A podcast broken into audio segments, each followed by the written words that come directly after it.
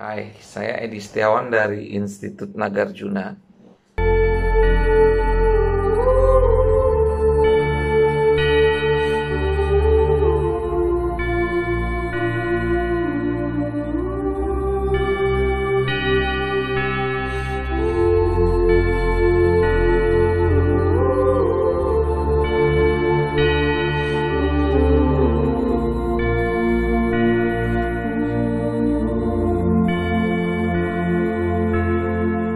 Hari ini akan mengulas tentang Bodhisatwa Tara yang sangat populer. Pemujaan terhadap Tara adalah praktek yang sangat tua di Nusantara ini. Mengapa demikian? Karena Tara termasuk salah satu yang dianggap dewa pelindung pelayaran bagi bangsa India dan kemudian belakangan bangsa Tiongkok. Selain dewata lainnya seperti Awalokiteswara dan Buddha Dipangkara. Jika kita datang ke Museum Nasional di Jakarta, maka kita akan dapat melihat bukti bahwa arca Buddha Dipangkara merupakan koleksi tertua yang dimiliki Museum Nasional Indonesia itu. Pemujaan terhadap Tara sendiri pada saat ini yang paling tua ditemukan di Candi Kalasan. Ya mungkin saja di suatu saat nanti apabila ditemukan eh, temuan-temuan uh, arkeologis lainnya, bisa jadi ada yang lebih tua dari itu. Karena uh, pelayaran bangsa-bangsa India dan belakangan kemudian bangsa Tiongkok ke Nusantara itu sudah terjadi sejak abad kedua sebelum Masehi. Jadi sudah sangat lama. Nah, uh, pemujaan di Candi Kalasan yang kurang lebih didirikan tahun 778 Masehi. Kemudian juga uh, terdapat arca Tara dalam bentuk uh, sama Tara dan berkuti Tara di Jawa Timur, di, tepatnya di Candi Jago. Uh, juga terdapat uh, pemujaan terhadap Tara di daerah tersebut. Sebetulnya Tara ini siapa? Tara kerap disebut sebagai ibu dari semua Buddha. Ada dua bodhisatwa yang disebut demikian sebetulnya selain Tara juga Prasna Paramita. Tentu bukan dalam pengertian ibu biologis tapi simbolik. Simbolik karena memang di masa lampau tampaknya uh, Dharma Duta itu lebih menggunakan simbol-simbol untuk menjelaskan kepada umat. Nah, Tara salah satu di antaranya. Tara sebagai ibu semua Buddha karena eh, Tara itu adalah lambang dari aktivitas atau energi atau tindakan. Tindakan-tindakan seorang Buddha. Jadi apabila seseorang ingin menjadi Buddha, ingin mencapai tingkat kebudaan, maka ia harus melakukan tindakan-tindakan seperti Buddha-Buddha sebelumnya.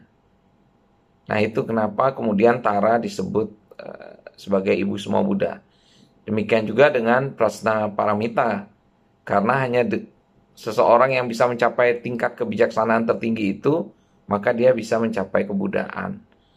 Jadi itu yang uh, mengapa kemudian Tara juga disebut ibu dari semua Buddha. Jadi apabila kita memuja, mengagungkan Bodhisatwa Tara, maka kita harus senantiasa sadar bahwa untuk merealisasi penggugahan tertinggi, kita harus melakukan kebaikan-kebaikan sebagaimana yang dilakukan para Buddha pada masa kehidupannya.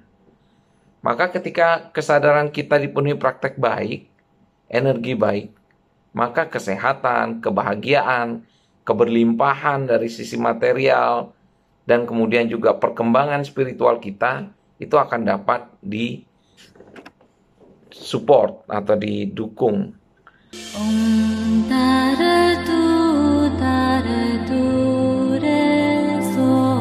Uh, mengenai Tara sendiri uh, dikisahkan bahwa pada masa Buddha Dundu Biswara di sebuah kerajaan itu lahir seorang putri yang diberi nama Jenana Chandra. Nah, ia tumbuh menjadi seorang umat Buddha yang sangat penuh dedikasi, penuh keyakinan terhadap Triratna. Dan ia bertekad, dia memiliki tekad yang sangat kuat, ia ingin juga menjadi Buddha dalam wujud perempuannya ini. Nah, inilah yang kemudian eh, kelak menjadi Tara. Itu eh, salah satu sumber menyebutkan demikian dan Tara ini juga disebut sebagai emanasi dari awal kita suara. Karena kan awal kita suara dapat mewujud dalam berbagai bentuk. Demikian juga dengan tara. Jadi kalau kita eh, simak ada yang 21 tara kemudian eh, disimbolkan dengan warna biasanya ya. Ada tara hijau yang paling populer mungkin tara hijau tara putih ya. Dan di Indonesia tara kuning juga populer. Tara hijau atau Syama Tara, kemudian Tara putih itu adalah Sita Tara, merah, kuning dan sebagainya. Dan yang putih ini juga sangat populer di Tiongkok dengan sebutan Pai Kuan Im. Itu Kuan Im yang berjubah putih. Ini juga disebut ibu dari semua Buddha karena putihnya ini jubah putihnya ini melambangkan pikiran yang terang. Jadi seseorang kalau ingin menjadi Buddha, dia harus memiliki pikiran yang terang. Nah, ini simbol-simbol yang uh, dipakai oleh uh, para pendahulu kita dulu. Nah, bagaimana wujud Tara itu sebenarnya dalam bentuk uh, lukisan maupun arcanya itu yang bisa kita kenali adalah dia berwujud gadis remaja. Sering dalam literatur disebut umurnya lebih kurang uh, remaja belasan tahun ya. Banyak yang menulis 16 tahun. Nah, kemudian warnanya kalau yang hijau ya tentu hijau emerald karena dia melambangkan energi. Dan kemudian ada juga yang e, singgasananya itu berupa teratai maupun ada juga yang berupa singa, delapan ekor singa. Terkait singa itu juga e, simbol Buddhis yang menarik.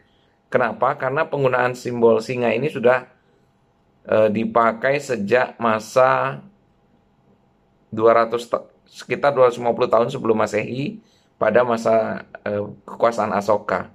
Asoka ketika sudah beralih menjadi Buddhis kemudian mengembangkan kerajaannya dengan damai dan e, tanpa kekerasan dan menikmati kemakmuran yang sedemikian panjang.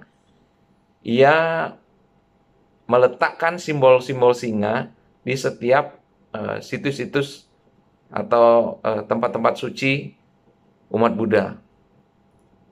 Nah, tampaknya ini diteruskan dan diikuti oleh umat Buddha di berbagai negara. Simbol singa ini sangat konsisten kalau kita lihat di semua peradaban, di semua negara, di semua di berbagai aliran.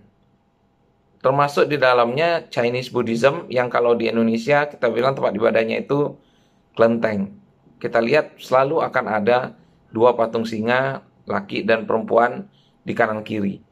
Patung singa ini juga diyakini sebagai uh, lambang dari batas, batas antara satu sebagai uh, simbol bahwa simbol pengingat bahwa ini adalah tempat suci, kemudian juga menjadi batas, batas antara wilayah yang profan dengan yang sakral.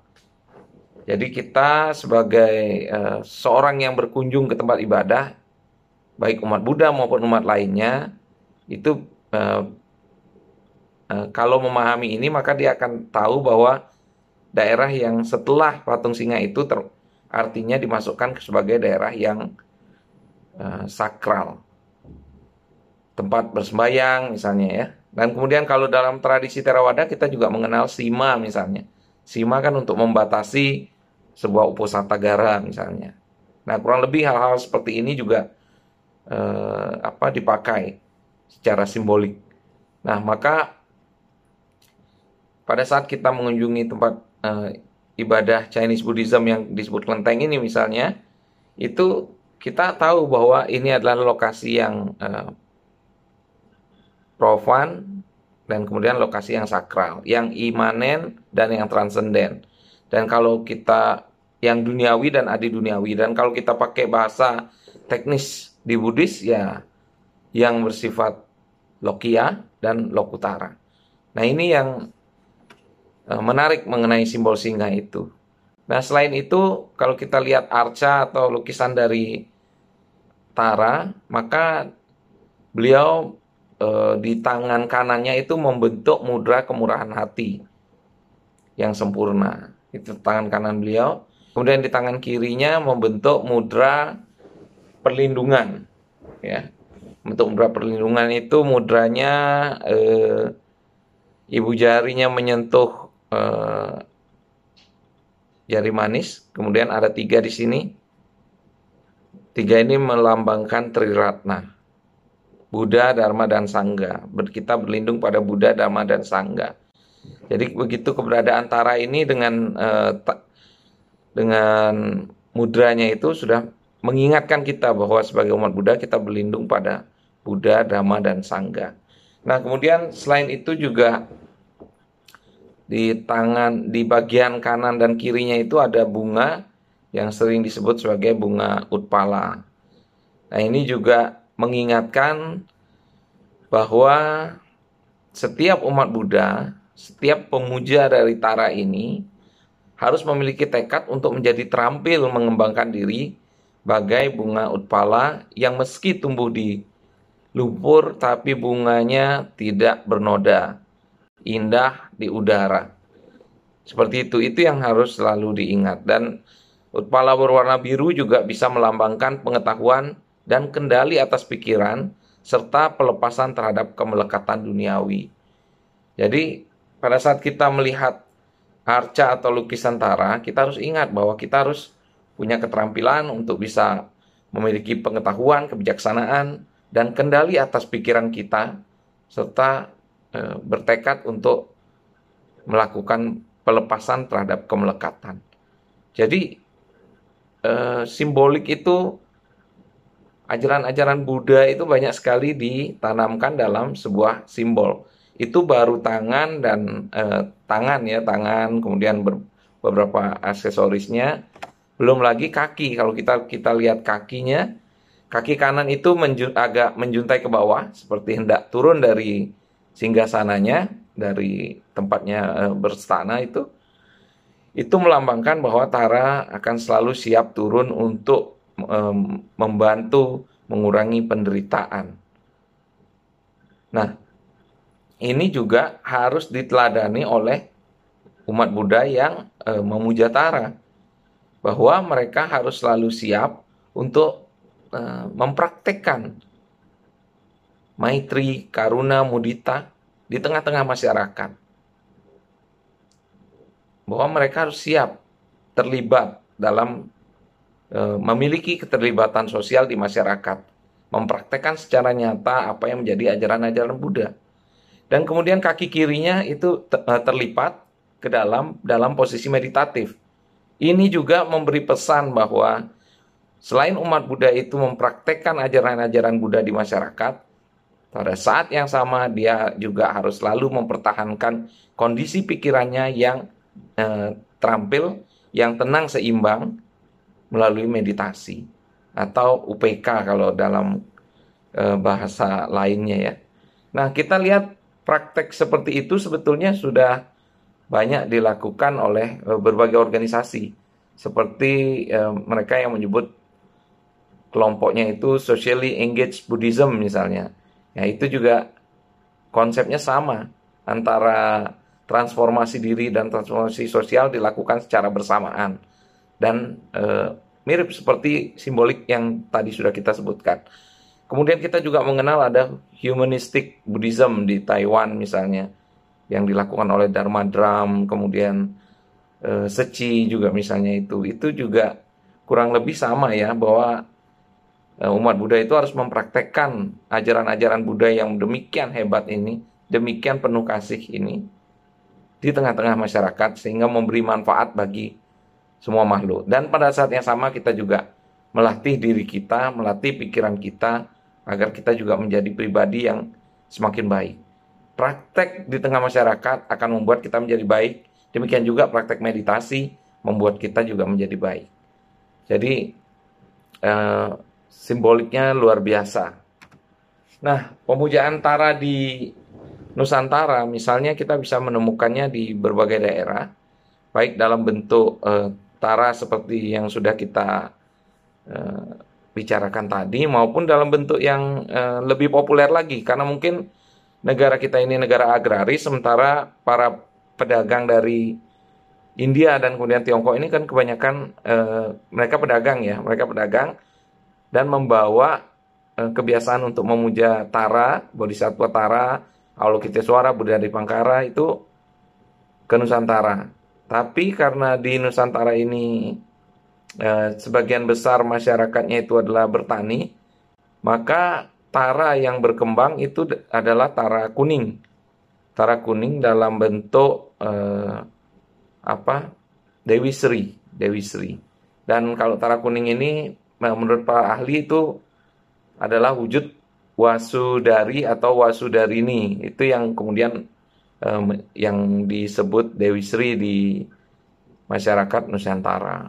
Nah untuk um, mantra Tara ini adalah salah satu mantra yang sangat populer di kalangan Tantrayana mungkin setelah Om Mani Padme Hum nah mantranya ini Om Tare Tutare Ture Swaha Nah ini yang sangat dekat ya di hati umat Tantrayana.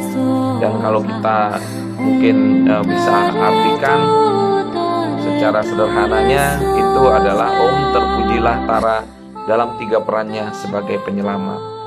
Karena Tara adalah uh, penyelamat, kemudian Tara uh, juga dia yang uh, mau selalu membantu dan sebagainya itu arti-arti uh, yang kerap dilekatkan kepada Tara. Kenapa disebut memiliki tiga peran? Karena yang pertama dia memiliki peran sebagai pembebas dari penderitaan duniawi, penderitaan yang biasa. Dan kemudian juga pelindung bagi bahaya spiritual. Jadi Tara ini kenapa dia menjadi pelindung? Karena praktek eh, yang kita bisa lihat dari Tara itu adalah praktek pelepasan ke jalan spiritual. Jadi mengarahkan kita sebetulnya ke arah jalan spiritual. Melindungi dari bahaya spiritual. Bahayanya apa? Penolakan, kemelekatan, dan keliru mengerti. Ya itu, kita harus selalu ingat bahwa eh, bahaya spiritual atau tiga akar kejahatan, -hal seperti itu juga eh, termasuk yang diselamatkan oleh Tara agar kita tidak terjerumus pada hal tersebut.